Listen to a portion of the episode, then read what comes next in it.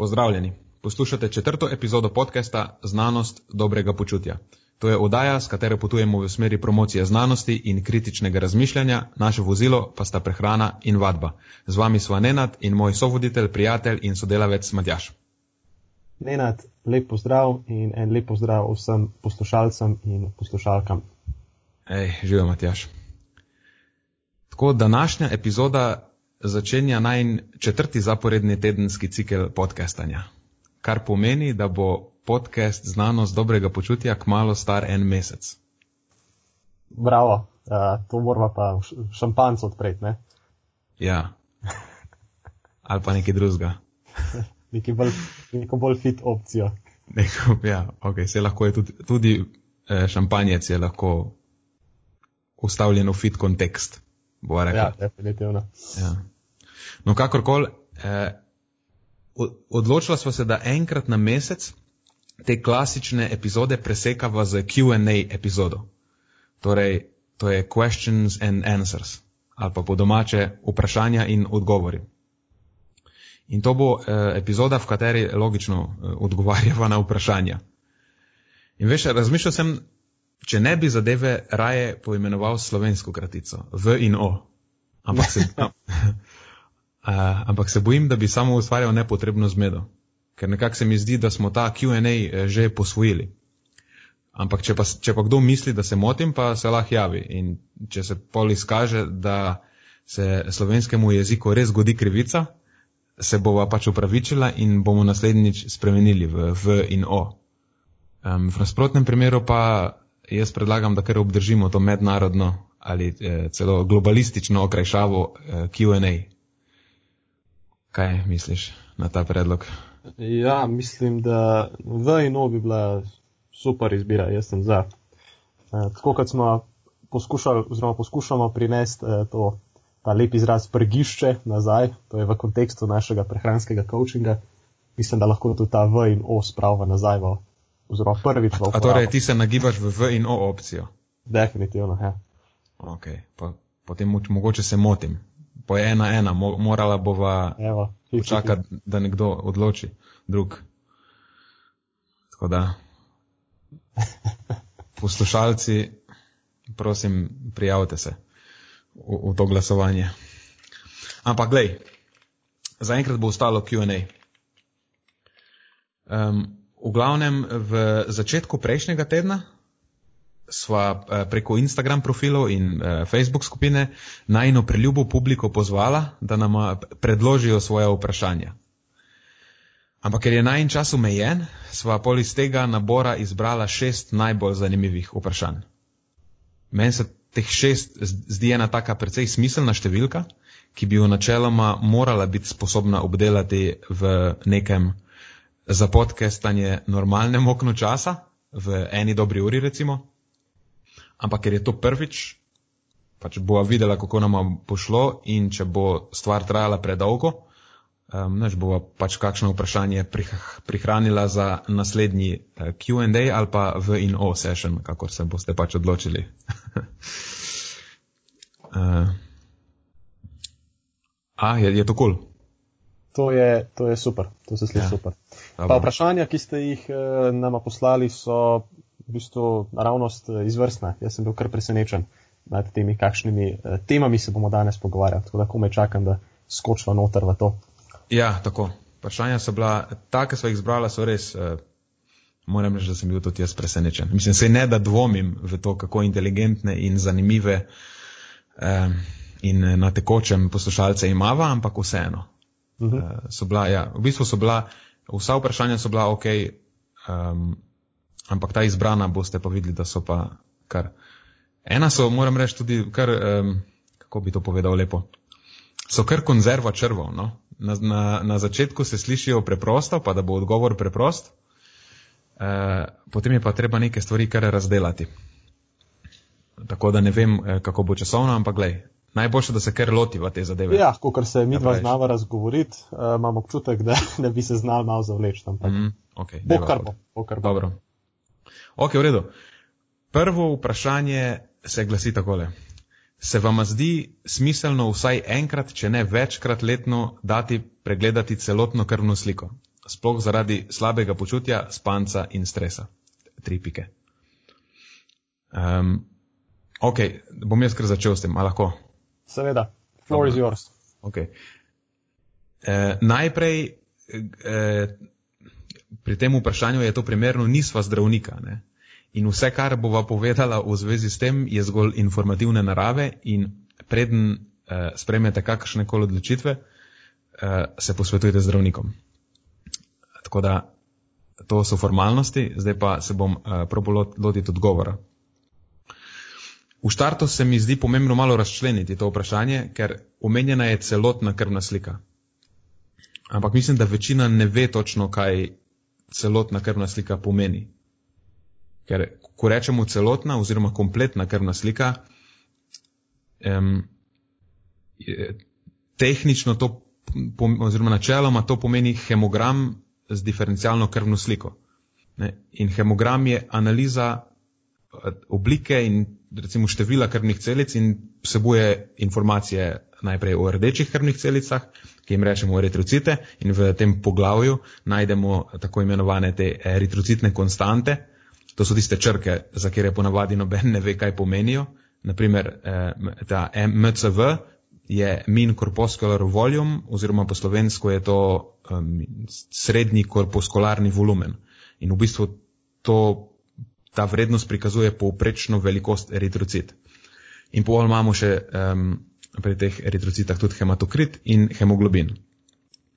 Potem imamo informacije o belih krvnih celicah, uh, te so pod poglavjem levkociti, tukaj so pa določene koncentracije in odstotni deleži posameznih granulocit, monocit in, in limfocit. In pa pol so še, mislim, da informacije o, o krvnih ploščicah, ki so trombociti zraven. In ta uh, v narekovajih kompletna krvna slika oziroma hemogram, nam daje nek tak splošen pogled oziroma pove nam splošno oceno stanja krvi in mogoče tudi splošnega zdravja. Ne, informacije o eritrocitah nam povejo, kako dobra je kapaciteta prenosa kisika po telesu, informacije o levkocitah nam povejo, kakšno je stanje eh, imunskega sistema in pa informacije o trombocitih dajo nek opogled v to um, uravnavanje, temu rečemo eh, hemostaze oziroma strjevanja krvi. In zdaj te informacije so lahko uporabne pri zaznavanju raznih akutnih, bomo rekla temu prekrškov, kot so naprimer eh, infekcije ali pa izpostavljenost nekim alergenom ali pa toksikantom. Um, lahko pa kažejo tudi na različne podhranjenosti in motnje. Če se recimo ugotovi anemija, to je pomankanje zdravih eh, rdečih krvnih celic, ali pa eh, leukocitopenija, ki pa pomeni um, preniske ravni belih krvnih celic. In ponavadi je ta kompletna krvna slika oziroma hemogram del nekih rutinskih pregledov. In pač ta stvar nam lahko pomaga zaznati neko resno bolezen pa pomanjkanje ali motnjo, še preden se ta popolnoma razvije in nas začne resneje ogrožati. Sam je pa potrebno omeniti, da, lahko te, da te vrednosti so lahko tudi um, izven meja normale zaradi nekih povsem, rečemo temu, brezveznih razlogov, ker razne okužbe lahko zmedejo to zadevo. Tako da ni nujno, da gre za kaj resnega. Plus še ena stvar, v vsakem primeru se mi zdi, da prehrana pri tem nima najpomembnejše vloge. Sicer je res, da pomanjkljiva prehrana lahko povzroči določene vrste anemij, recimo megaloblastno zaradi pomankanja B12 ali pa anemijo zaradi pomankanja železa. No, pa tudi leukocitopenije so lahko uh, posledica pomankanja mikrohranil, beljakovin ali pa kalorij. Ampak vse je to preiskava, na podlagi katere si ne bi upal veliko sklepati o posameznikovi prehrani. Če je nekaj izven meja normale, je moj oziroma izven teh referenčnih vrednosti, je tukaj moj prvi refleks nekako napotiti k zdravniku. Niti slučajno ni prva stvar eksperimentiranje s prehrano, ker za vse te stvari so lahko vzrok tudi um, precej resne bolezni. Ja, um, zagotovo. Zdaj, ampak, ok, to je kompletna krvna slika, ampak ko ljudje rečejo kompletna krvna slika, ponavadi sploh nimajo v mislih hemograma. A veš, čeprav je povsem tehnično to tisto, kar kompletna krvna slika nekako pomeni ali pa naj bi pomenila. Um, večinoma ljudje mislijo vse tiste ostale parametre, ki jih povezujemo z presnovnim zdravjem oziroma vem, delovanjem posameznih organov. Zdaj, temu pa rečemo bio, biokemične preiskave krvi. To so recimo vrednost glukoze, ne, to je krvni sladkor, eh, vrednosti trigliceridov, holesterola v krvi, eh, potem vsebnost holesterola v delcih HDL in LDL, mm, pa v to kategorijo biokemičnih preiskav spadajo tudi razni eh, testi jetrne in ledvične funkcije. Um, in te stvari pa pogosto so lahko odraz ne, neprimerne prehrane, spoh na nekem eh, tem bolj sploh bolj kronično, da, ob, ne ob daljšem časovnem obdobju, um, oziroma so posledica prekomerne mase in zamaščenosti. Uh, in načeloma lahko vsaj glukozo, pa tudi lipide, uravnavamo oziroma spravljamo nazaj v meje normale s prehranskimi prilagoditvami ali pa širše s prilagoditvami življenjskega sloga. Sam je pa tako, da teh stvari na počutju ponavadi ne opazimo, vsaj ne tako drastično kot recimo neko anemijo ali pa neko pomankanje. Mm. So pa krvni sladkor, trigliceridi, holesterol, vse te vrednosti so ponavadi, eh, če so izven referenčnih vrednosti, so dejavniki tveganja za razvoj kroničnih bolezni, spoh srčno-žilnih in diabetesa, presnovnih bolezni. Tako da kot take jih je seveda pametno vsake toliko preveriti, tako da se s tem namenom se rutinskemu hemogra hemogramu ponavadi priključi vsaj te neke osnovne biokemične teste in to je lahko samo koristno. Mm, tudi če se dela to samo plačniško, pa ponavadi ni problem, ker ti osnovni testi uh, niso zelo dragi. No, pa je tu še ena skupina testov, ki jo sicer lahko omeniva, reče se imunološke preiskave. Pač s temi se v krvi določajo razne komponente imunskega sistema, recimo ena taka je ta C-reaktivni protein oziroma CRP, pogovoroma včasih rečejo ta marker vnetja.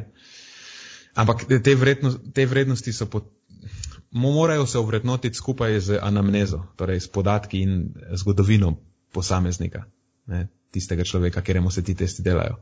In, in to ponavadi naredi zdravnik ob sumu na neko moten, motnjo ali pa bolezen. To načeloma ni neka stvar, ki bi bila povprečnemu človeku uporabna.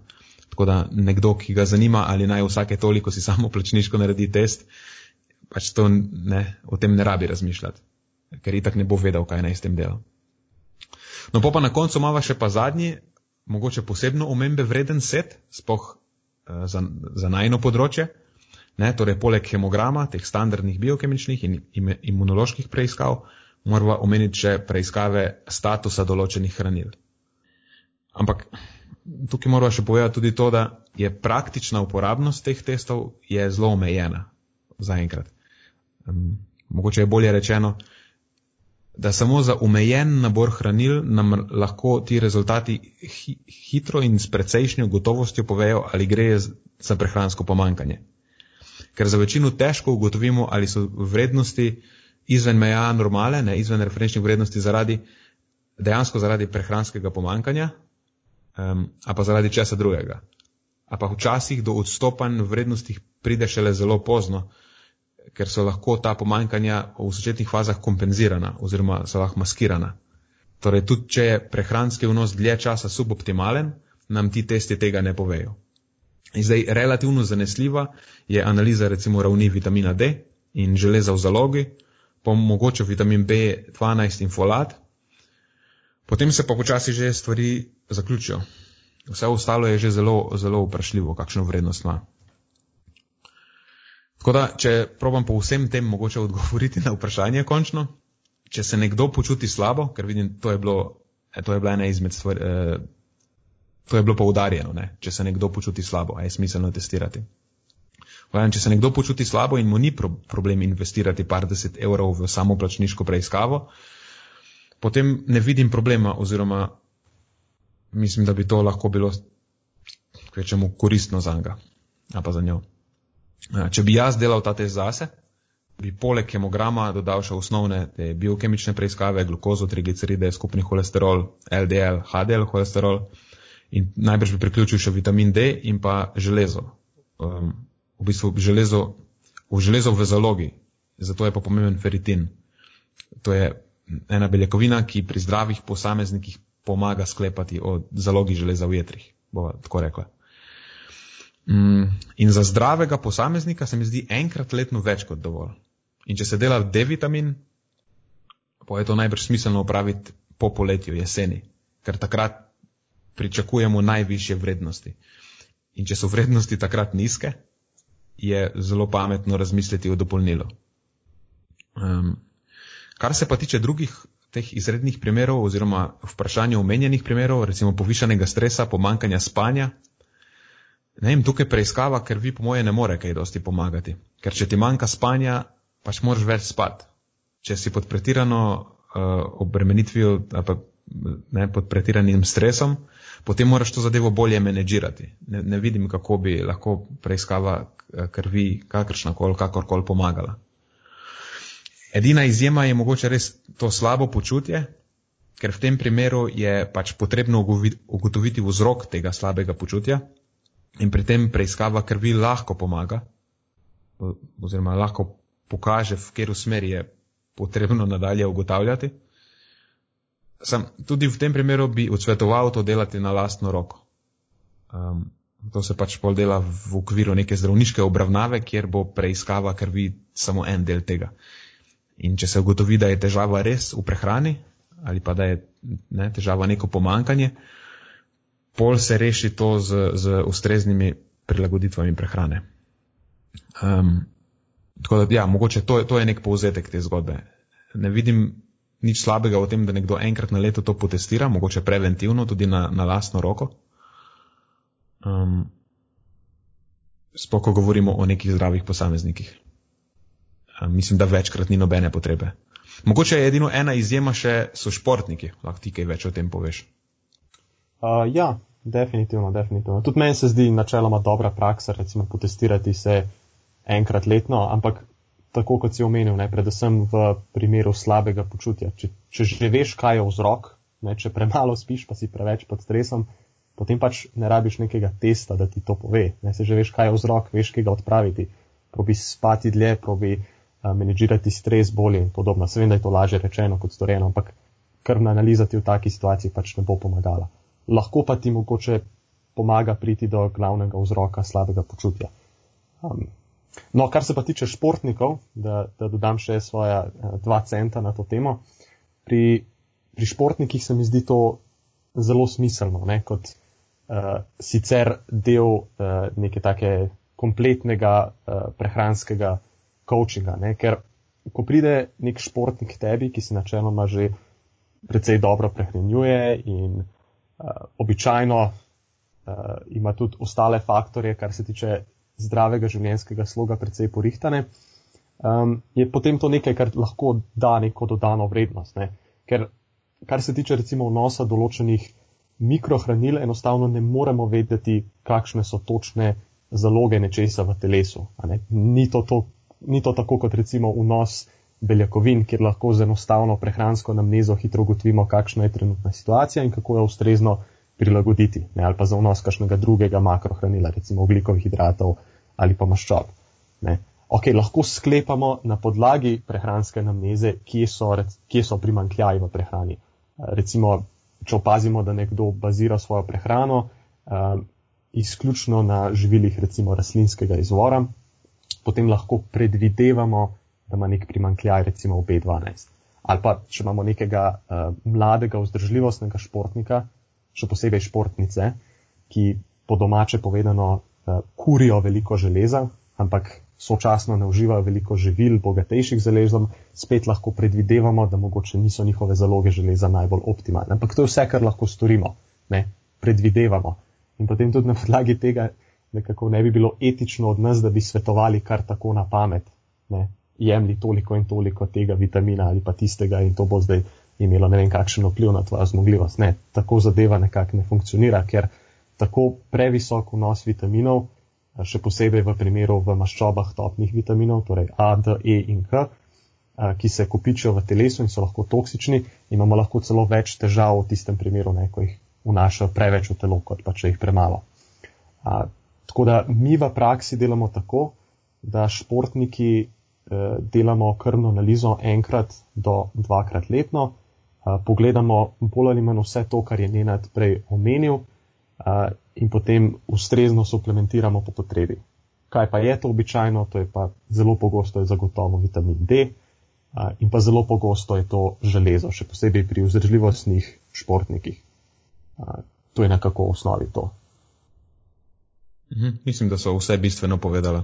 Za, za zdravega posameznika te neke osnovne stvari, recimo enkrat letno, pa še to je mogoče preveč, kaj pa jaz vem, ampak recimo rečemo enkrat letno. Mm, in da je fajn preveriti status teh hranil, ki se jih mogoče da preveriti, ne, železo, vitamin D, spoh če je nekdo aktiven, a pa če spada v to, se reče, ogroženo skupino, kjer recimo vitamin D je pogosto v pomankanju ali pa kjer je lahko ta eh, slab status vitamina D še poseben, posebej neugoden, recimo ženske po eh, menopauzi, a pa starostniki na splošno. Tako. In to naredijo običajno um, pod, pod vodstvom nekega strokovnega kadra, tako, ki, tako. ki jim zna interpretirati rezultate in jim zna uh, svetovati, kaj pa kako naprej. Tako je. Ok, dobro. E, prva je uklukana. Super. Tako. Gremo na naslednjo. Kaj naj čaka naprej, ne nad? Evo, glasi se tako. Je pomembno, katero obliko sirotkinih proteinov spijem po treningu? Wow, to, je, upra, to, je, to, je vpraš, ja, to je vprašanje direktno za te, Matjaš. Super, se, se ga bom potem kar lotil. Um, torej, katera oblika sirotkinih beljakovin po treningu? Um. Mogoče samo za začetek bi se še dotaknil te teme, uh, ker še vedno zelo pogosto zasledim, uh, kaj, kaj za vraga sploh je sirotka za začetek. Uh, pogosto namreč zasledim, veš, ne, zakaj bi ljudje uporabljali te praške, ne, če pa lahko uporabljajo pravo hrano. Tako da bi se za začetek dotaknil samo te teme. Torej, sirotka oziroma whey po angliško je enostavno mlečna beljakovina. Um, in sicer predstavlja približno 20 odstotkov uh, mlečne beljakovine najdene v kravjem mleku, preostalih cirka 80 odstotkov je pa ena druga zelo znana mlečna beljakovina uh, imenovana kazein. Uh, zdaj, kljub temu, da ste ti obe beljakovini sicer mlečnega izvora, pa imata neke svoje specifike, pa da ne gremo tukaj v preveč podrobnosti. Sirotka je tak vir beljakovin, ki se zelo, zelo hitro se absorbira in nam da tak podnarekovaj hiter anabolni odziv in je zelo, uh, zelo je zaželjena pravzaprav takoj po treningu, no, ko si to, uh, ko si čim hitreje zaželimo, uh, mislim, čim hitreje potrebujemo ta odziv v telesu. Um, zdaj, kaj pravzaprav sploh je, oziroma kako se to sirotko sploh pridobiva. Um, gre se v bistvu za en tak zelo enostaven proces. Um, vemo, da med sirjenjem mleko koagulira, s čimer se potem ločita tista suha snov in pa tekoča sirotka. In ta slednja, ta tekoča sirotka, vsebuje mlečni sladkor oziroma laktozo in pa nek relativno majhen delež beljakovin in temu potem sledi nadaljna predelava te tekoče sirotke in s tem dobimo dva izdelka, ki imata višjo vsebnost beljakovin.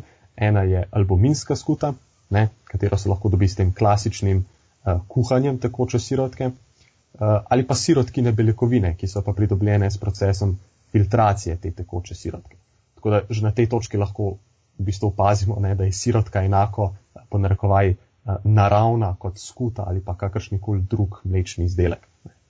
In potem se enostavno to sirotko samo še posuši, pa se doda neko, ne vem, aromo, pa neka sladila. In to je to. To so te uh, jupol kante, ki se jih prodaja v najrazličnejših trgovinah. Ampak dobro, um, zdaj se prodaja tudi ne samo v jupol kantah, zdaj jih že prodajajo kot proper živila. Tako, zdaj jih prodajajo že kot proper živila. Smo prišli končno na ta nivo. Um, Skratka, poznamo pa uh, v osnovi tri oblike te sirotke. Na to sklepam tudi, da se nanaša to vprašanje. Ne? To je sirotkin koncentrat, izolat in pa uh, hidrolizat.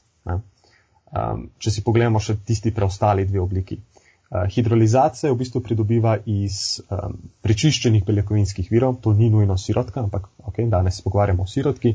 In sicer preko procesov segrevanja s kislino ali pa alternativa, boljša alternativa z dodatkom proteolitskih encimov, ki potem do določene mere že razgradijo te beljakovine na mesto nas, na mesto našega telesa, s čimer potem dobimo neko kombinacijo prostih aminokislin in pa peptidov, ki so različnih dolžin. Ne, peptidi so v bistvu zgolj aminokisline povezane med seboj. Ne, aminokisline se, po, po, se povezujejo med seboj v peptide, ne, dve aminokislini dipeptid, tri aminokisline tripeptid in potem ti peptidi še dalje v neke bolj kompleksne strukture, ki so imenovane beljakovine. Skratka, tukaj so beljakovine že delno razgrajene in lahko potem nekoliko hitreje se absorbirajo v krvni obtok napram celim nerazgrajenim beljakovinam. In zato je bilo tudi mišljeno, ne vem, cirka deset let nazaj, morda več, da nudijo te hidrolizati neke dodatne ugodnosti nad koncentrati v smislu izboljšanja telesne sestave in pa regeneracije, ampak vse to je bilo narejeno na podlagi nekih uh, raziskav na podganah, torej na, na živalskih modelih.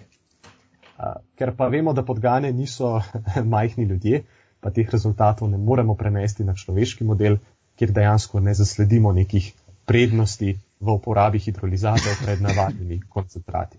Um, in podobno zgodbo lahko pravzaprav izpeljemo tudi z izolati, torej še tista tretja verzija um, beljakovinskih pripravkov, ki predstavljajo zgolj neko bolj prečiščeno verzijo koncentrata in imajo podobno kot hidrolizati nekoliko višjo vsebnost beljakovin in pa nekoliko nižjo vsebnost preostalih makrohranil napram koncentratu. Slednji ima pa načeloma nekoliko višjo vsebnost bioaktivnih snovi in pa nekih drugih rasnih faktorjev. Ne, ampak na koncu dneva se nekako gre za izdelke, ki imajo po vsej verjetnosti, če upoštevamo vse preostale faktorje v prehrani, ki so pomembnejši, recimo absolutni dnevni beljakovinski vnos, imajo praktično identičen vpliv in na regeneracijo, in na telesno sestavo, s tem, da je koncentrat bistveno cenejši napram preostalima dvema oblikama. Predvsej smešno mi je, da se nekateri recimo še vedno poslužujejo uporabe recimo izolatov ali pa hidroizolatov, samo zato, ker imajo recimo gram ali pa dva manj sladkorjev na odmerek in par gramov več beljakovin, ampak ne regulirajo pa preostalih faktorjev v prehrani. Ne? Tistih par gramov ugljikovih hidratov boš zlahka dobil druge, če, ne, če nisi res skrben pri prehrani. Ne? Že samo, če po nesreči pač poješ par zrn riža več pri kosilu tisti dan. Eh, in edini scenarij, kjer bi se mi zdela smiselna uporaba izolatov ali pa hidro, hidro, hidrolizatov, bi bila uh, v primeru, da je nekdo intoleranten na laktozo in mu koncentrati predstavljajo neko težavo. Ampak v ostalih scenarijih pa se mi zdi, da je koncentrat vedno cenovno gledano najboljša izbira, ki ti bo dala enak učinek napram preostalima dvema oblikama. Ja, to je to. Um, koncentrat je načeloma way to go, zaradi tega, ker je cenejši.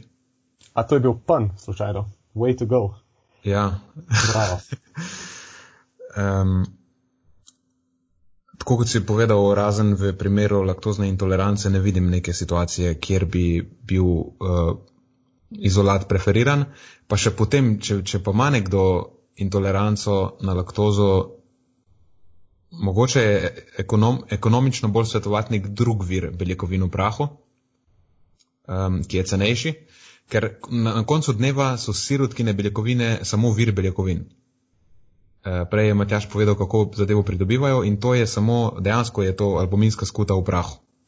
Než drugega. Tako da po treningu, kaj je vprašanje glih po treningu, ja, lahko se popijajo eh, sirotkine, koncentrat sirotkinih beljakovin, a veš, lahko se pa poje tudi nekaj drugega. Lahko greš domov na zrezek. A to ta, je tudi dovoljeno. Ne, ne rabim speed shake takoj po zadnji seriji bench pressa. Res je, da sirotkine beljakovine um, sprožijo sintezo mišičnih beljakovin v večji meri, takoj potem, ko jih zaužijemo. Ampak je potem vprašanje, kako dolgo in potem je ta sinteza mišičnih beljakovin višja. In drugo vprašanje je, ne, ker če se zelo hitro dvigne, tudi relativno hitro pade, ponovadi. Drugo vprašanje pa je, a je sploh to zelo relevantno skozi neko daljše časovno obdobje. Ne, ker to, ne vem, če glih se to zelo, ta akutno povišana stopnja sinteze mišičnih beljakovin, če se dejansko zelo dobro potem prenaša v dejansko pridobljeno mišično tkivo, ne, v same grame, skozi neko daljše časovno obdobje. Ne. Recimo, da nekdo sproži to mišično beljakovinsko sintezo štirikrat na dan, ne, s pomočjo sirotkinih šejkov in drugih stvari, a pa če nekdo to sproži trikrat na dan, pa poje v teh treh obrokih pač enako količino beljakovin, ne, um, ne vem, če je to zelo pomembna stvar. Tako da, Bil bi izjemno skeptičen, če bi se to zgodilo. Če bi Ja. bila kakršna koli razlika med. mislim, da je za, en, ja, za, za enkrat je eh, bolj točno, če rečemo, da pač ne vemo. Da je, to je zaenkrat samo še hipoteza. Mm. Tako da kratek odgovor je, da je v bistvu vseeno, kjer obliko sirotkinih proteinov spijemo po treningu. Sploh, če imamo neke, neke normalne cilje. Um, a veš, kje te stvari res niso, ni potrebno, da so regulirane na tako uh, nevrotični stopnji. In še dlje je mogoče to, da sploh ni nujno, da so to sirotkine beljakovine, ne, lahko je karkoli drugega, kar je vir beljakovin.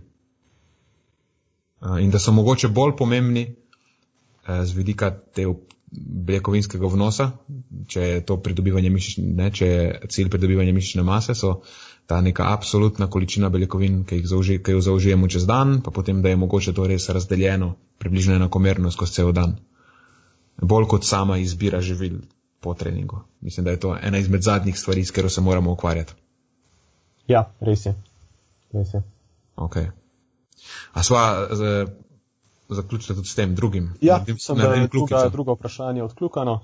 Gremo okay. naprej na tole, ker mislim, da ti bo da pa pisano na kožo tebi. Ja, torej to tretje vprašanje se glasi takole. Vajno mnenje o tem, da bi se morali v prehrani vsi mladi učiti vsaj osnove, ker tisto, kar je bilo pri gospodinstvu v osnovni šoli, mi zdaj itak več nič ne pomaga. Na srednji tega ni bilo, tako da sedaj poslušam Filgut, potem sta dva emojija, on smeh do sous, pa srček.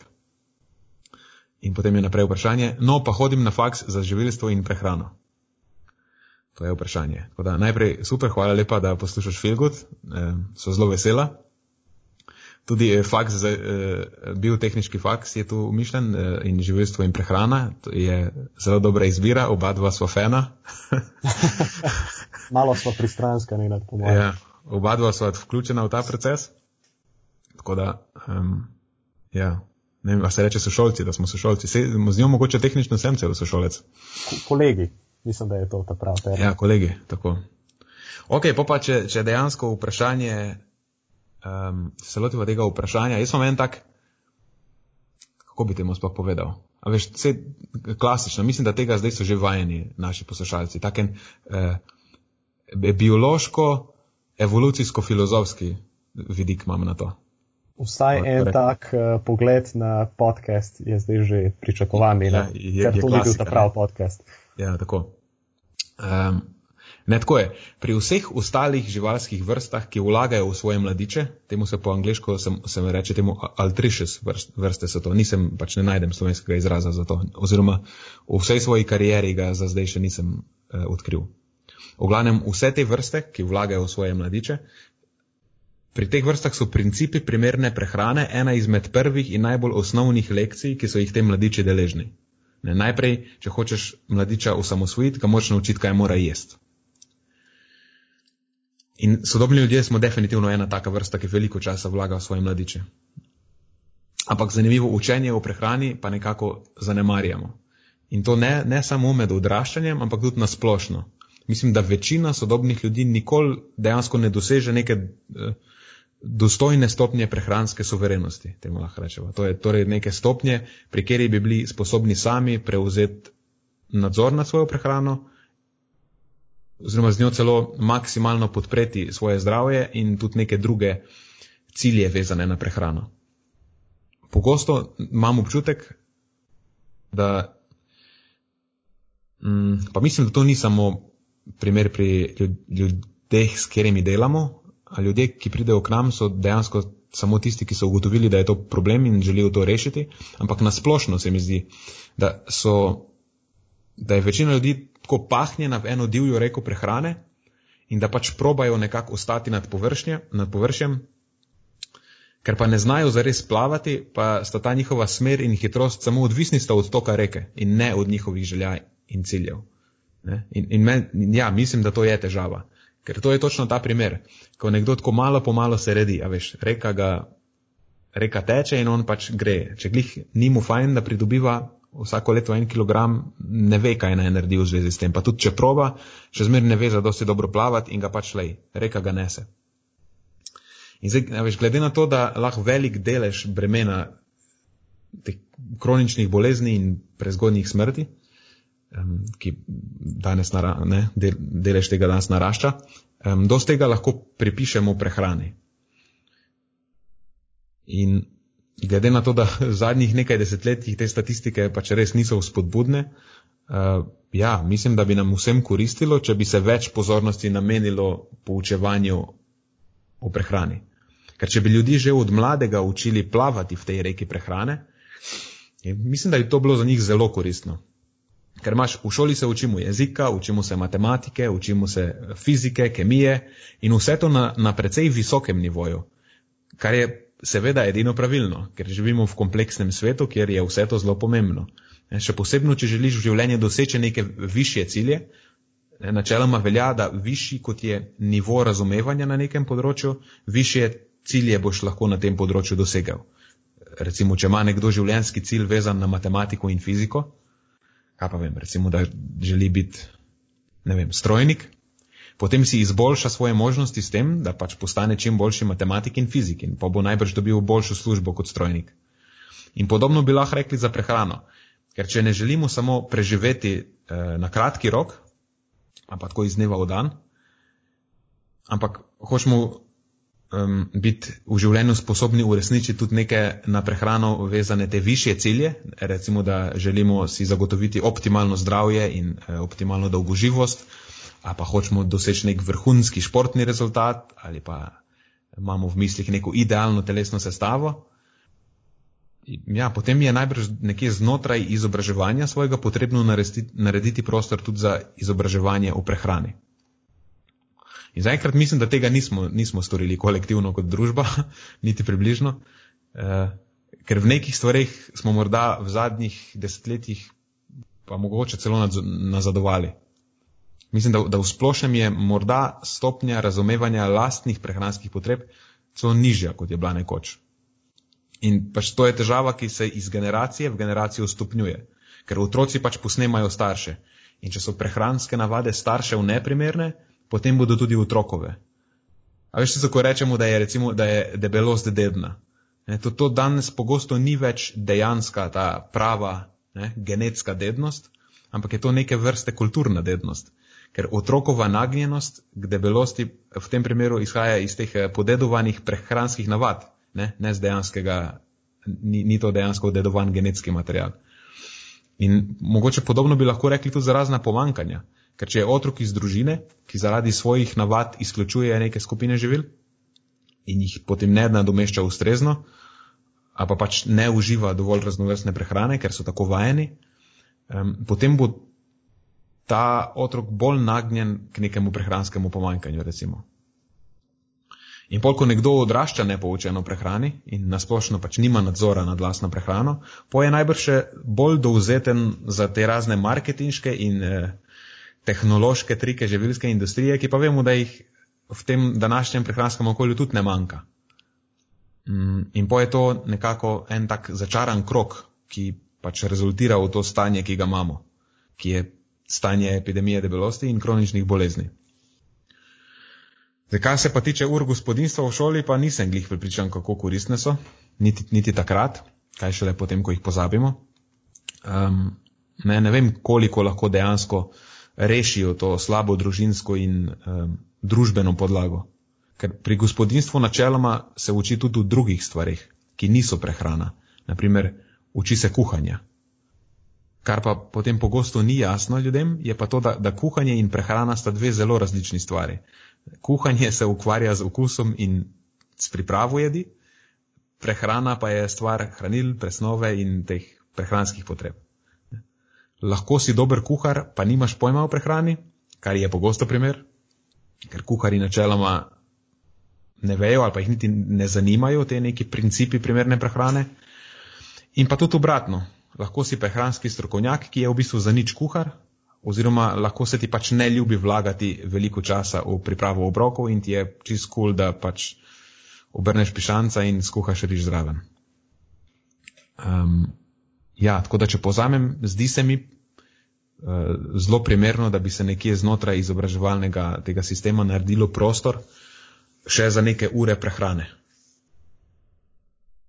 Definitivno se strinjam.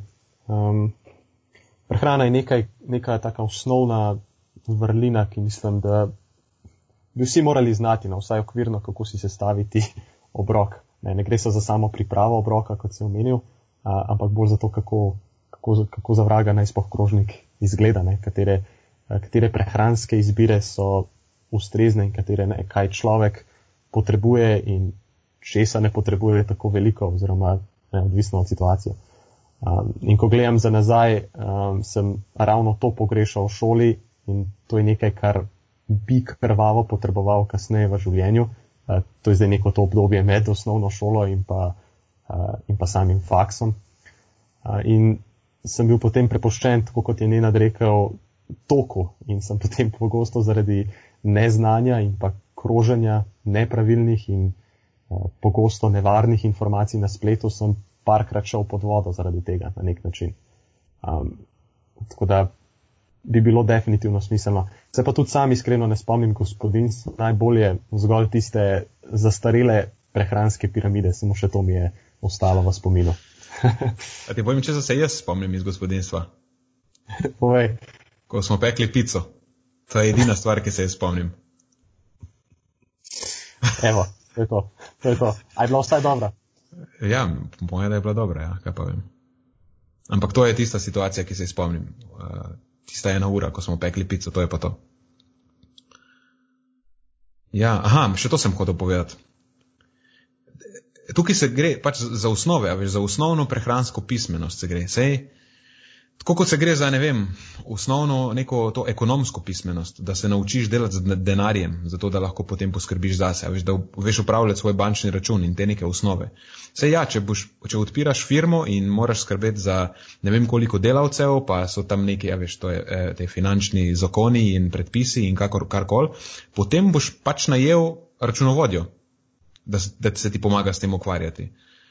In dokler si pač nek povprečen posameznik, ki nima zelo specifičnih ciljev, mislim, da lahko gre čez z nekimi osnovami, pa samo principov se zares mora naučiti, vsaj približno. Ne? To ne pomeni, da moraš znati preštevati vsako kalorijo posebej, pa koliko gramov beljakovin rabiš, pa vse te stvari. Ne, ne že neke take zelo osnovne, pa um, zelo v grobem moraš stvari poznati in in je, in je povsem dovolj.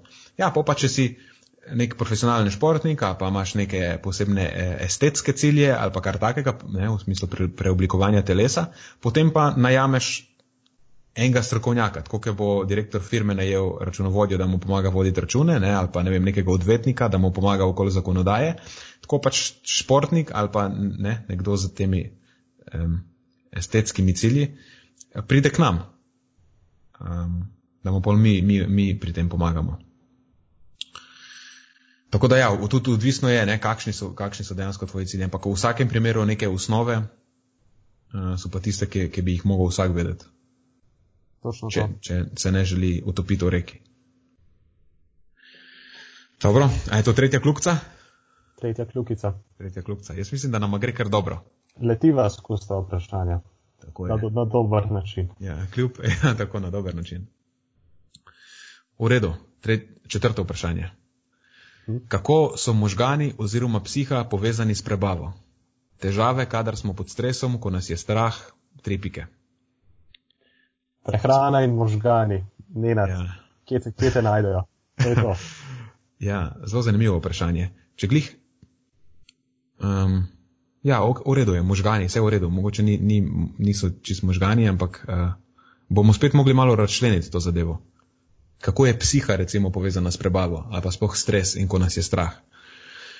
Um, pa mogoče najprej lahko povemo, kako je vse povezano s tem. Ne? Ker najprej moramo vedeti, da je delovanje vseh teh eh, teleh, telesnih funkcij od konteksta odvisno, skoraj pač v vseh situacijah. Ne? In ta kontekst sta okolje in stanje, v katerem se trenutno nahajamo. Torej, trenutna situacija je tista, ki narekuje, kako bodo stvari, vse stvari delovale v telesu. In zadeva, te zadeve so evolucijsko prilagojene. Načeloma velja, da se telesna funkcija spremeni na način, ki je bil v preteklosti, ki je našim prednikom v podobni situaciji maksim, maksimiziral možnost preživetja. Ker unik so se odzvali na ta način, so preživeli, jih je preživelo več in tako, tako so se ti geni v večji frekvenci prenesli v naslednje generacije. In zdaj recimo klasičen primer tega je um, ta odziv povišanega srčnega utripa in eh, povišan krvni tlak ob eh, višji stopni fizične aktivnosti. A pa recimo eh, ta tako imenovan stresni odziv v narekovajih, ki nas pripravi na soočanje s stresom. Ali pa tudi povišana telesna temperatura, ki je odziv eh, oziroma obramba pred, pred okužbo. To so neki taki odzivi, ki so povsem od konteksta odvisni, pa niso edini, cel kup jih je. In zelo podobno tudi prebava se odziva. Ne? Prebava deluje optimalno, oziroma, da bomo temu reči, je najbolj aktivirana v, v določeni situaciji. Ko pa je situacija drugačna od te določene situacije, pa se lahko prebava malo izklopi, oziroma telo um, lahko eh, te resurse, kisik, pa hranila in energijo, prioritetno preusmerja drugam, tam, kjer so v tej situaciji bolj pomembni. In pač na, na tak način so vsi ti za življenje ključni in bolj ali manj nezavedni procesi uravnavani preko ene stvari, ki se ji reče avtonomno živčevje. Pač tega se ne, to so nezavedne, neza, ne, nezavedne stvari, to se zgodi avtonomno, se zato ima to tako ime.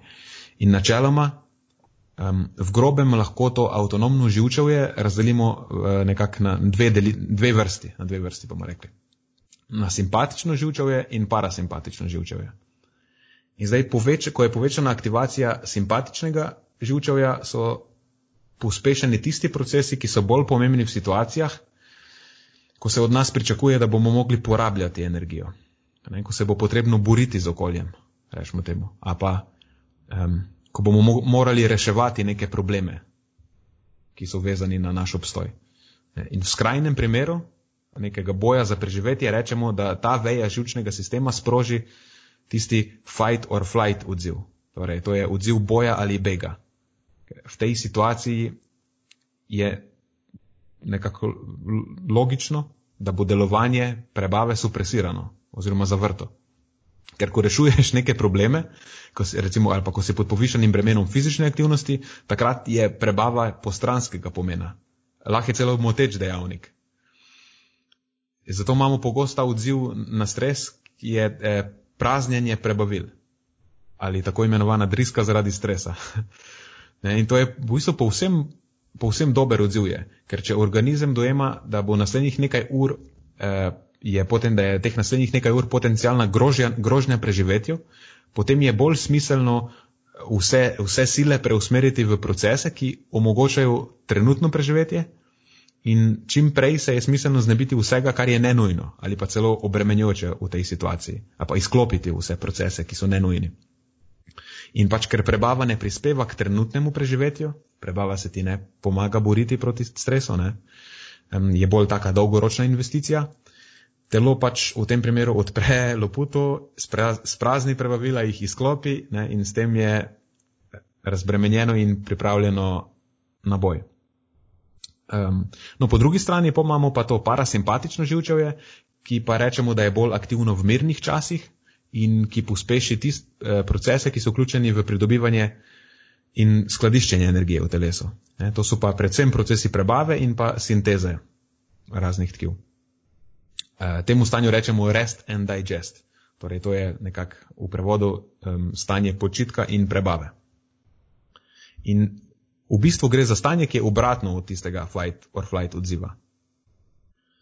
Um, no, ker pa govorimo o prebavi, morda moramo omeniti, še, uh, moramo omeniti še enterični žučni sistem. Torej, to je po domače prebavni žučni sistem. Um, ker na nek način ima prebava svoj žučni sistem in do neke mere ta enterični žučni sistem deluje neodvisno od centralnega žučevja, torej neodvisno od možganov, zato včasih temu rečemo tudi drugi možgani. Um, prebava načeloma deluje naprej, tudi če jo tako ločimo od ostalih stvari. Ampak to je že neka druga zgodba. Kar moramo vedeti je predvsem to, da kljub temu, da je enterično živčevje do neke mere avtonomno, um, pri na, pri večini ljudi, pri zdravih ljudeh, načeloma to ni povsem ločen sistem in aktivacija simpatičnega oziroma parasimpatičnega živčevja bo imela viden vpliv na prebavo. In ta vpliv je lahko bolj ali pa manj močen. Zdaj, pri takih zelo občutljivih posameznikih se najbrž te stvari lahko pokažejo kot tak, eh, temu rečemo funkcionalne gastrointestinalne motnje. Za te stvari se domneva, da v nekem obdobju življenja prizadanejo tam med 30 do 70 odstotkov ljudi. Ja, vem, široko okno. Zaradi, tudi zaradi tega, ker ne vemo točno, kaj te funkcionalne gastrointestinalne motnje sploh so. Ker ko rečemo funkcionalna motnja, to po domače pomeni, da ne vemo, kakšen je dejanski fizičen vzrok za težavo. Ker funkcionalno vse deluje, kot je treba. Ampak kljub temu, ne, v primeru gastrointestinalnih motenj prihaja do nekih bolečin v prebavilih, napenjanja in raznih podobnih neušečnosti. In vsaj delno, če ne celo v celoti, bi lahko k tem težavam prispevali eh, ti psihološki in družbeni dejavniki. In stres od tega bi najbrž lahko bil še posebno, posebno vpliven.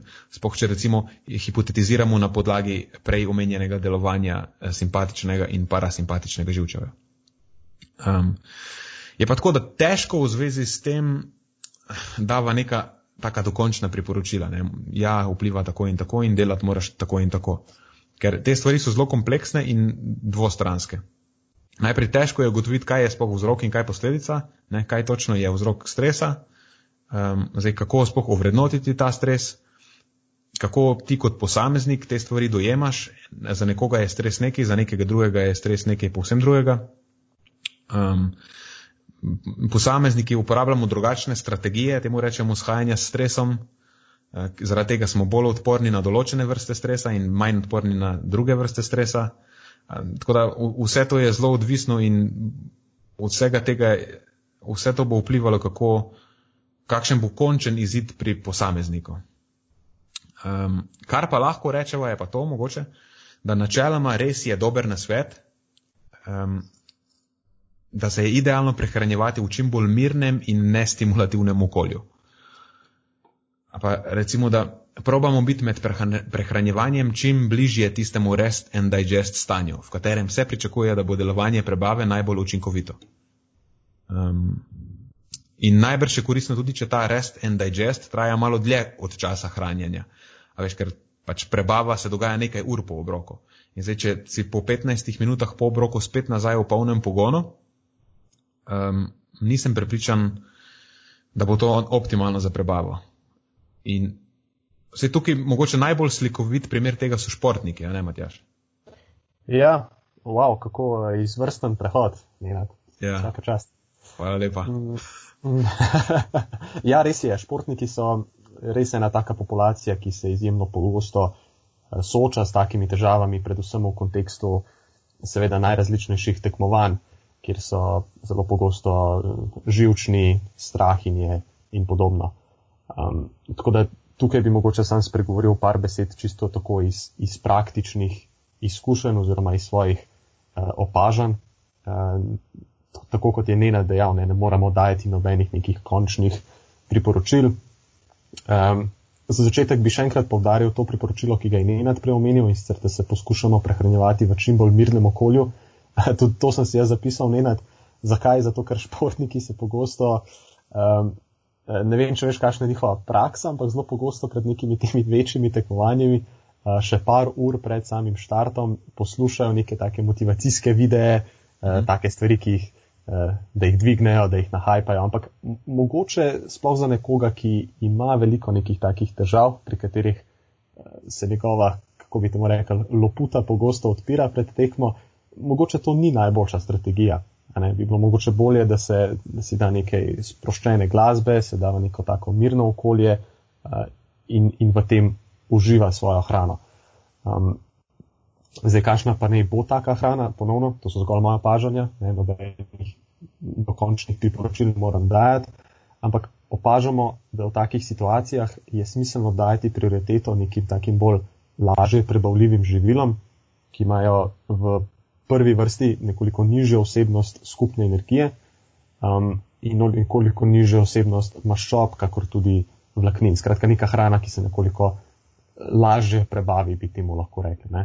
Um, na račun tega, da vseboje nekoliko manj energije, bi bilo tudi smiselno, da uh, se ukomponira nekoliko več sicer manjših obrokov, ki so potem razporejeni v takih krajših časovnih intervalih, kot bi se jih sicer poslužili.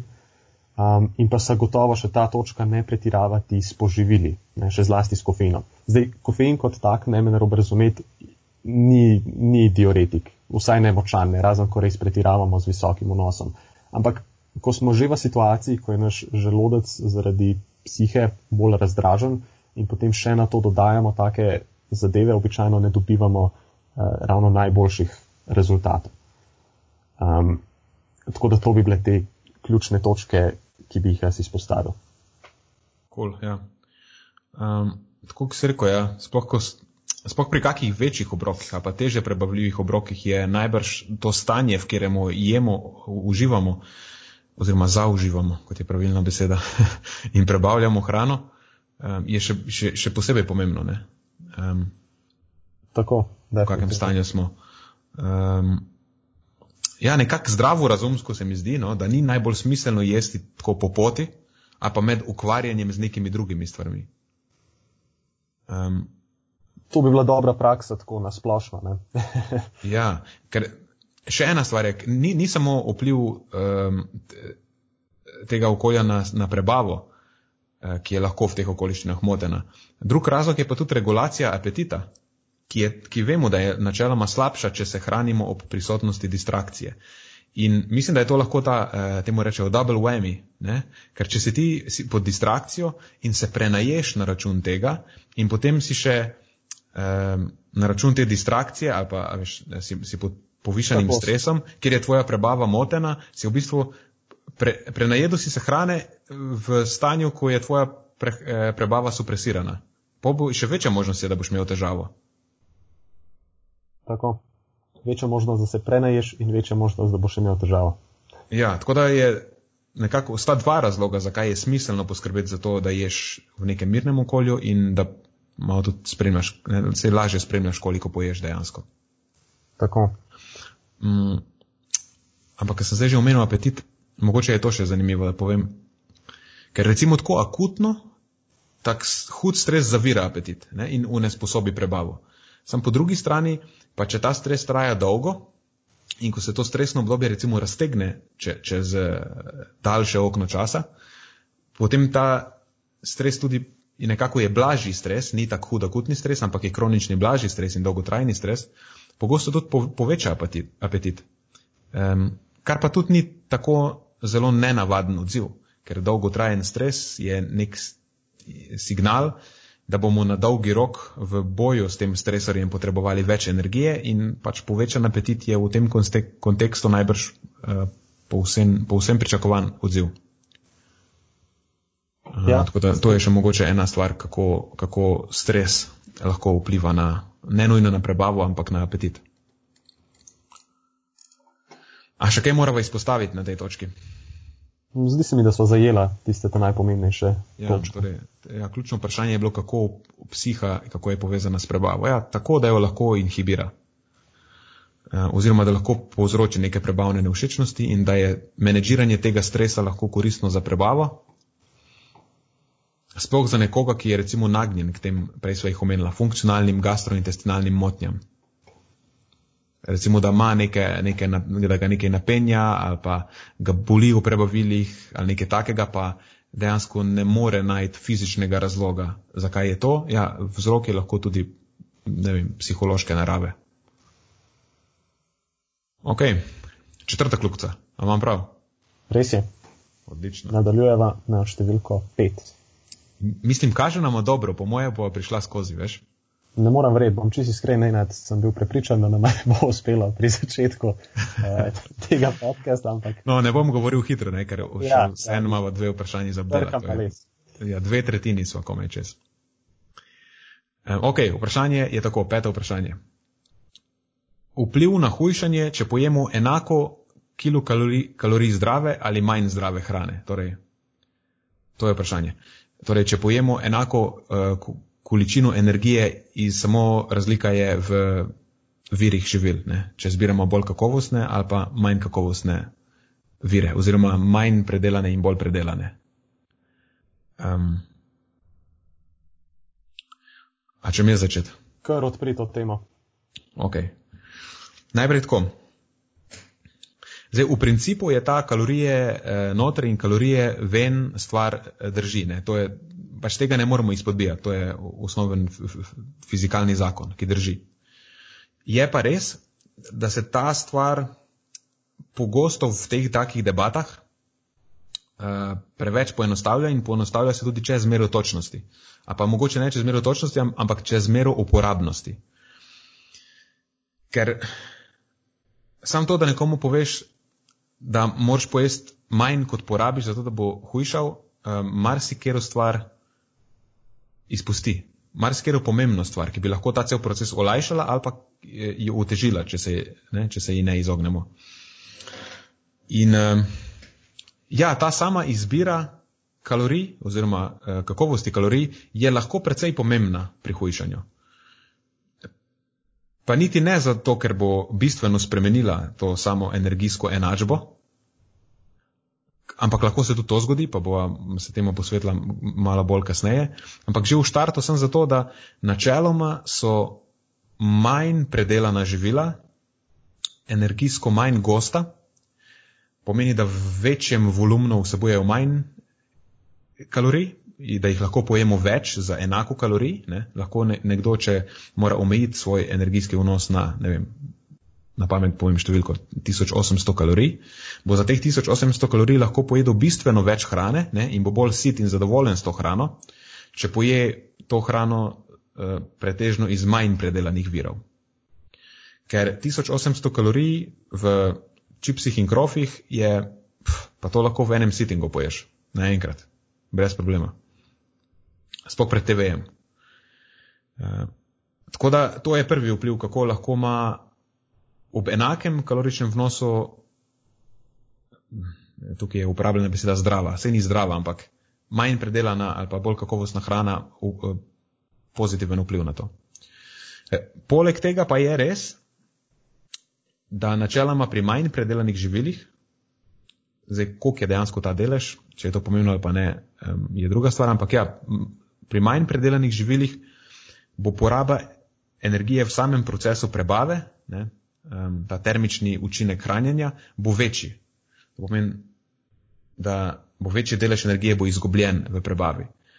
Kar bi lahko pomenilo, da lahko dejansko v samih živilih zaužiješ več energije, ne, malo več, ker bo efektivno na, na koncu dneva to še vedno enako, enaka količina um, kalorij, ki bo na voljo za presnovne procese. Um, ampak pravim, zdaj, koliko je to dejansko, recimo, kolikšna je dejanska razlika v tem, če ti poješ polnovredna žita ali pa belo rafinirano moko, mislim, da je, veš, to je marginalna razlika. Večja razlika je samih, mak, pri, pri samih makrohranilih. Vemo recimo, da beljakovine imajo zelo visok termični učinek hranjenja.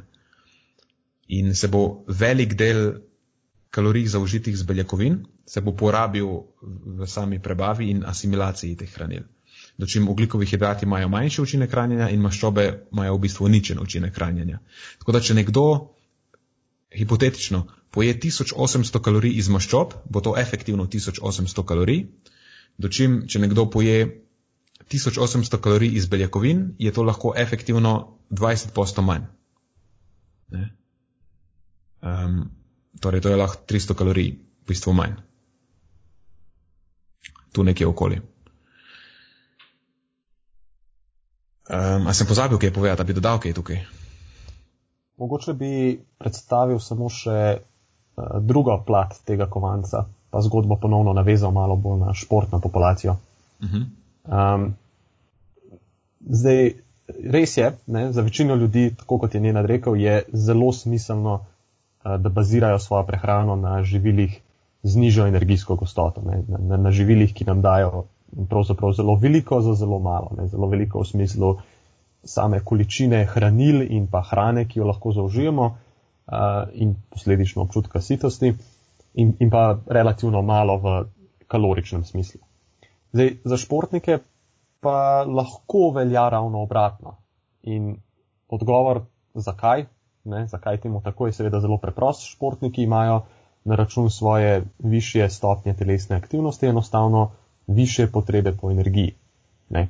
Okay, koliko više, mogoče pustimo, to je dejansko odvisno od številnih faktorjev, torej tip, pogostost uh, in intenzivnost telesne aktivnosti in tako dalje. Uh, in obstajajo določene situacije, kjer je dejansko potem smiselno dajati poudarek živilom, ki imajo nekoliko višjo energijsko gostoto in ne zgolj tistim uh, živilom na drugo, drugem koncu tega spektra.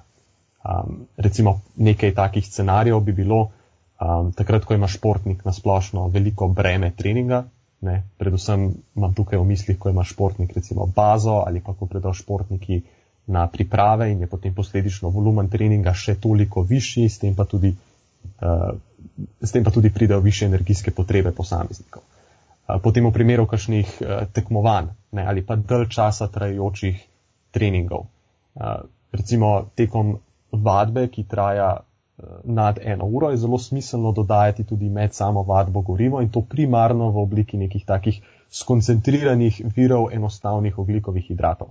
Nekaj, kar sicer recimo tako generalni populaciji ne bi eh, pač kar tako svetoval, ne, za brez veze. Um, potem uh, pred začetkom kakšnih dalj časa trajajočih dirk, uh, in tukaj se pogovarjamo predvsem o Eh, daljših vzdržljivostnih preizkušnjah v okviru prehranske strategije, za katero sem prepričan, da so že vsi eh, poslušalci slišali za njo, to je polnjenje glikogenskih rezerv oziroma carbohydrate loading. Potem recimo v primeru pridobivanja mišične mase. Vemo, da je predpogoj pridobivanja mase seveda energijski suficit, ne, torej da zaužijemo več energije, kot je porabimo in v določenih scenarijih, če pač enostavno ne gre, ne gre drugače, se je bolj enostavno poslužiti tistih živil, ki imajo višjo energijsko gostoto, da se tehnico pač lažje premakne v pravo smer. In to nam še posebej prav pride v primeru zadnje točke in to je nizek apetit.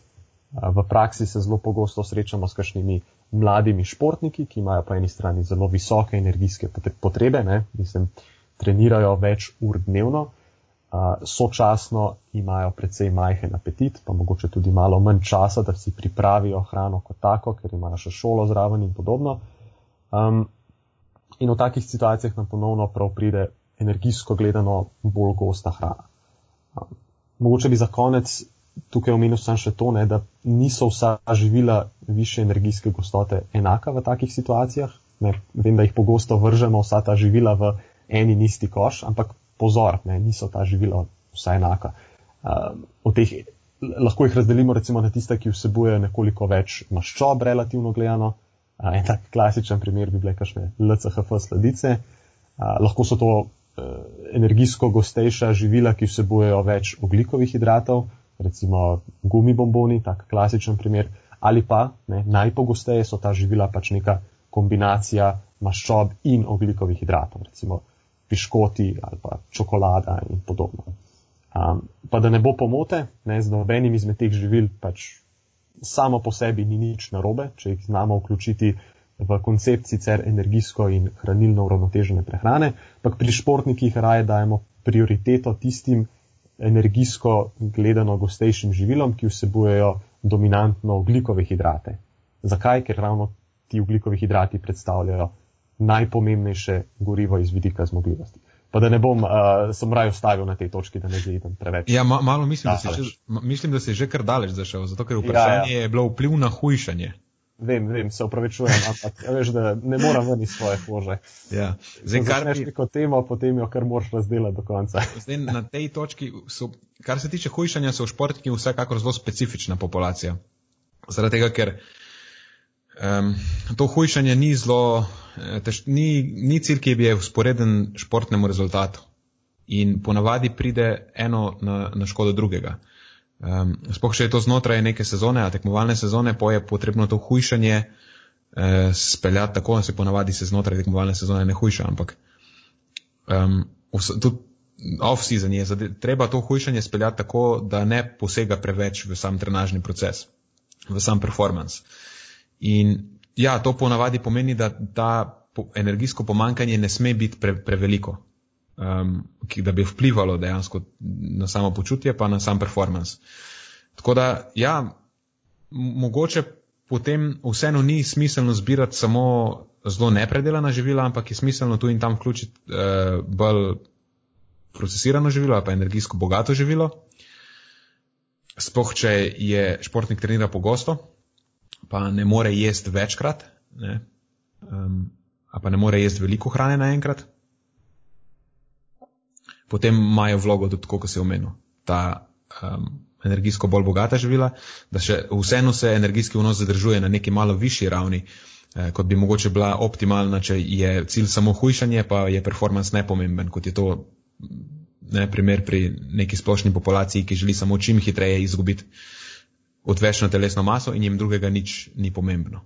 Tako, ja, tako. Prehrana za, za, za vides eh, se pač razlikuje na nek način od prehrane za, za športni rezultat, vsaj v, v takih scenarijih. Tako. Ok. Bo dala peto, peto kljubco.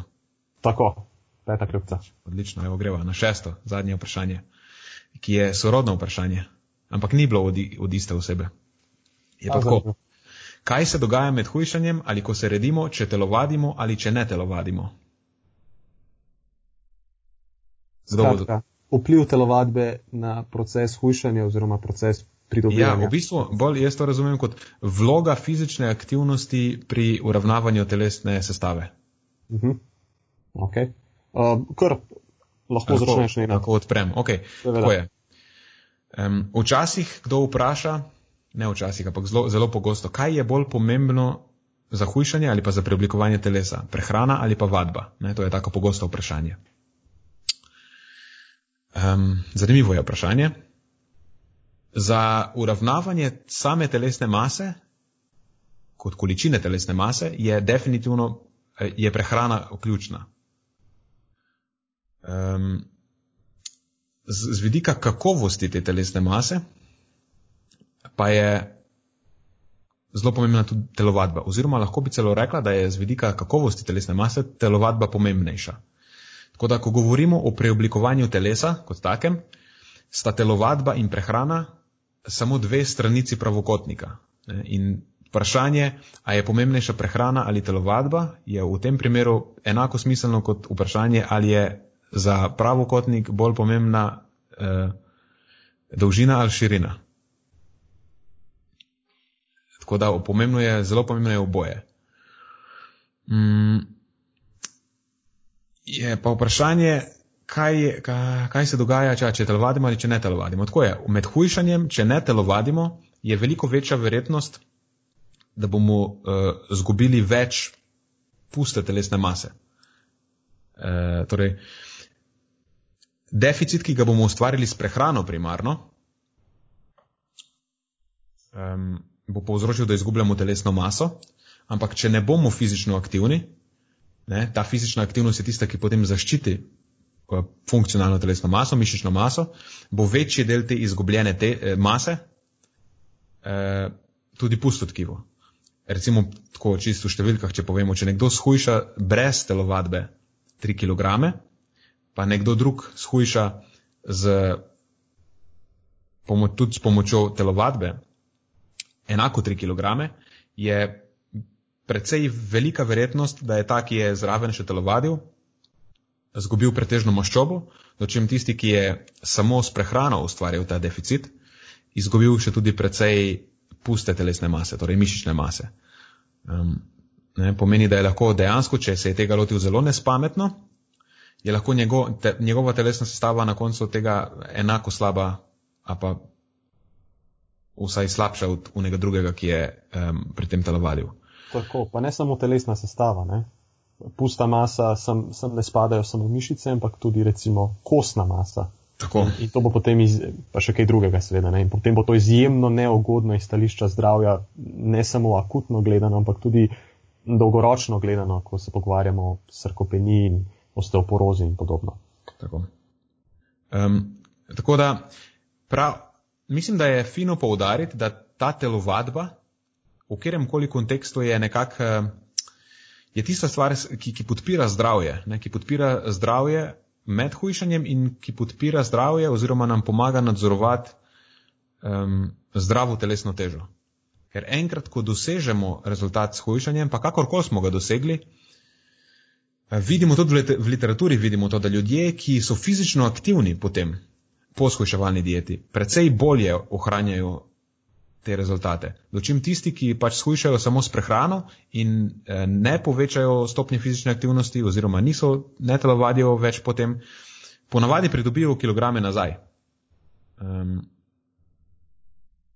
tako da, ja, drugače pa tudi za, za nekako splošno zdravje in dolgoživost je pač fizična aktivnost je super pomembna. Uh, in če se, tudi, če se, če, če se redimo, recimo, sej, sej, to je princip pridobivanja uh, mišic je tak, moraš pojesti malo več, rediti se moraš. Ne? Če hočeš pridobiti mišice, moraš pojesti več, kot porabiš, moraš se rediti. In pridobiš v tem kontekstu mišice samo, če telovadiš. In če se rediš ob telovadbi, ne, ob vadbi z bremeni, boš najbrž pridobival kar fajni delež mišičnega tkiva. Če pa samo sediš doma pa gledaš Netflix in ješ zraven, pa ne glede na to, kako optimizirana je tvoja prehrana, boš pridobil samo maščobno tkivo. Ne? Lahko ti ješ unih 2 grama na kilogram bodybuilderskih beljakovin, ampak če sam sediš, nič od tega ne boš to v mišice. Ker pač telo nima potrebe, ni, ni, ni, ni, ni bilo stimulirano na ta način z vadbo, da bi se mu zdelo v narekovajih vredno investirati energijo v izgradnjo mišičnega tkiva. In potem vemo, da Odvečna maščobna masa je povezana z razvojem oziroma je zelo močan dejavnik tveganja za razvoj v bistvu vseh kroničnih bolezni, nenalezljivih bolezni um, in povezana je z prezgodnjo umrljivostjo, dočim povišana eh, pusta telesna masa, torej če vadiš, pa poješ malo več, pa pridobivaš mišice, to je pa nekako zaščitno pred prezgodnjo smrtjo. Um, Torej je, je zdrava stvar. Ja, definitivno. Skratka, če bi tako na hitro povzela, um, prehrana je neka taka osnova oziroma predpogoj, da lahko pravzaprav katerikoli izmed teh dveh procesov sploh poteka. Uh, po ja. eni strani recimo, ne vem, karikiram hujšanje, ne? Uh, če vzamete eno uro, no, prehrana je osnova, da se tukaj ostali, ampak brez vadbe uh, nikoli ne bomo dosegli neke optimalne situacije, ne v eno, ne v drugo smer. Uh, če se bomo lotili hujšanja, bomo riskirali um, izgubo puste mase, ki je pomembna ne samo za telesno sestavo, ampak tudi zdravje overall. In po drugi strani, če se bomo lotili na ta način pridobivanja mase, bo vsa tista pridobljena masa, um, kako bi temu rekli, nekvalitetna masa. Pre, uh mhm. -huh. Predvsej več bo prišlo na račun maščobnega tkiva in, in izjemno malo na račun uh, mišičnega tkiva, kar je potem ponovno lahko neugodno, predvsem iz vidika zdravja. Ja, Glih, zdaj, zdaj sem se spomnil. Pred kratkim smo se z Marijo pogovarjali. Jaz sem hotel narediti case, da je dejansko nekoga hujšati, ki ima že, ki nima zares veliko odvečnih kilogramov. Ne? Nekdo, ki, ima, ki je res, rečemo temu, mogoče celo morbidno debel, ki je, že, ki je ta odvečna, odvečna maščobno tkivo že res načenja njegovo zdravje, ok, to je nekaj čist drugega. Njega, kakorkoli bo shujšal, bo za njegovo zdravje dobro. Ampak čim pa je že nekdo ni več tako morbidno debel, pa sem hotel narediti case, da je dejansko neetično ga hujšati brez vadbe. Ker bo, spoh če je to nek starejši človek, ker bo izgubljal pusto tele, telesno maso, izgubljal bo mišice, ki so zelo pomembne za njegovo dolgoživost, um, ob tem bo postal bolj krhek, eh, več, lahko dejansko ne, hitreje potem izgubi avtonomijo kasneje v svojem življenju, um, povečaš mu tveganje, da pade in se kaj naredi, ker pač izgublja tudi fizično moč. Um, tako kot si povedal, kostna eh, gostota je vezana na, na pusto telesno maso, tudi vemo, da je zelo neidealna situacija, ko si kog zlomiš, recimo, ali pa neko drugo kost kasneje v življenju. Ja, tako da se mi je takrat, nekako se mi zdi, da za nekoga, ki je že relativno blizu, ali pa tudi mogoče ne relativno blizu svoji idealni telesni teži, da ga je stradati ali pa hujšati brez fizične aktivnosti, da je to, to je zelo vprašljivo, če je to Ja, na podlagi tega, o čemer smo se ravno kar pogovarjali, uh, bi se definitivno podpisal pod to. Tako da telovadba v bistvu med hujšanjem lahko rečemo, da je obvezna. Ja, ampak je ja. smešno, ampak je, veš, kaj se mi zdi smešno, je, da sploh moramo to poudarjati, ker fizična aktivnost je ključna komponenta človekovega, človekovega zdravja. Veš, tu ni nekaj, sploh o čemer bi mogli debatirati, a je, a veš, kaj pa če, kaj se pa zgodi brez tega. Pač, gledaj, brez tega je tvoje zdravje suboptimalno. Sploh ne moremo se pogovarjati o optimalnem zdravju, če fizična aktivnost ni nek reden del tvojega življenja. In v bistvu, v kjer koli stran obrneš to stvar, ali hujšanje, ali ko se rediš, bo brez vadbe, bo izid slabši. Mislim, da bi lahko ful enostavno na to vprašanje odgovorila. Ja, ampak to ne bi bilo v najnem stilu. Ne, ne? To, ja. to, to, ni good, to, to ne bi bil feel good podcast, veš, moraš malo zaviti okrog in potem se vrniti nazaj in da na koncu to praktično priporočila. Ja, glede tega bo potrebovala nek feedback, če je to sploh komu všeč. Ali pa morava drugi, drugič obrati malo bolj direktne poti. Ampak ok, recimo, da so odgovorila tudi na to šesto vprašanje. Ali misliš, da bi mogla kaj dodati?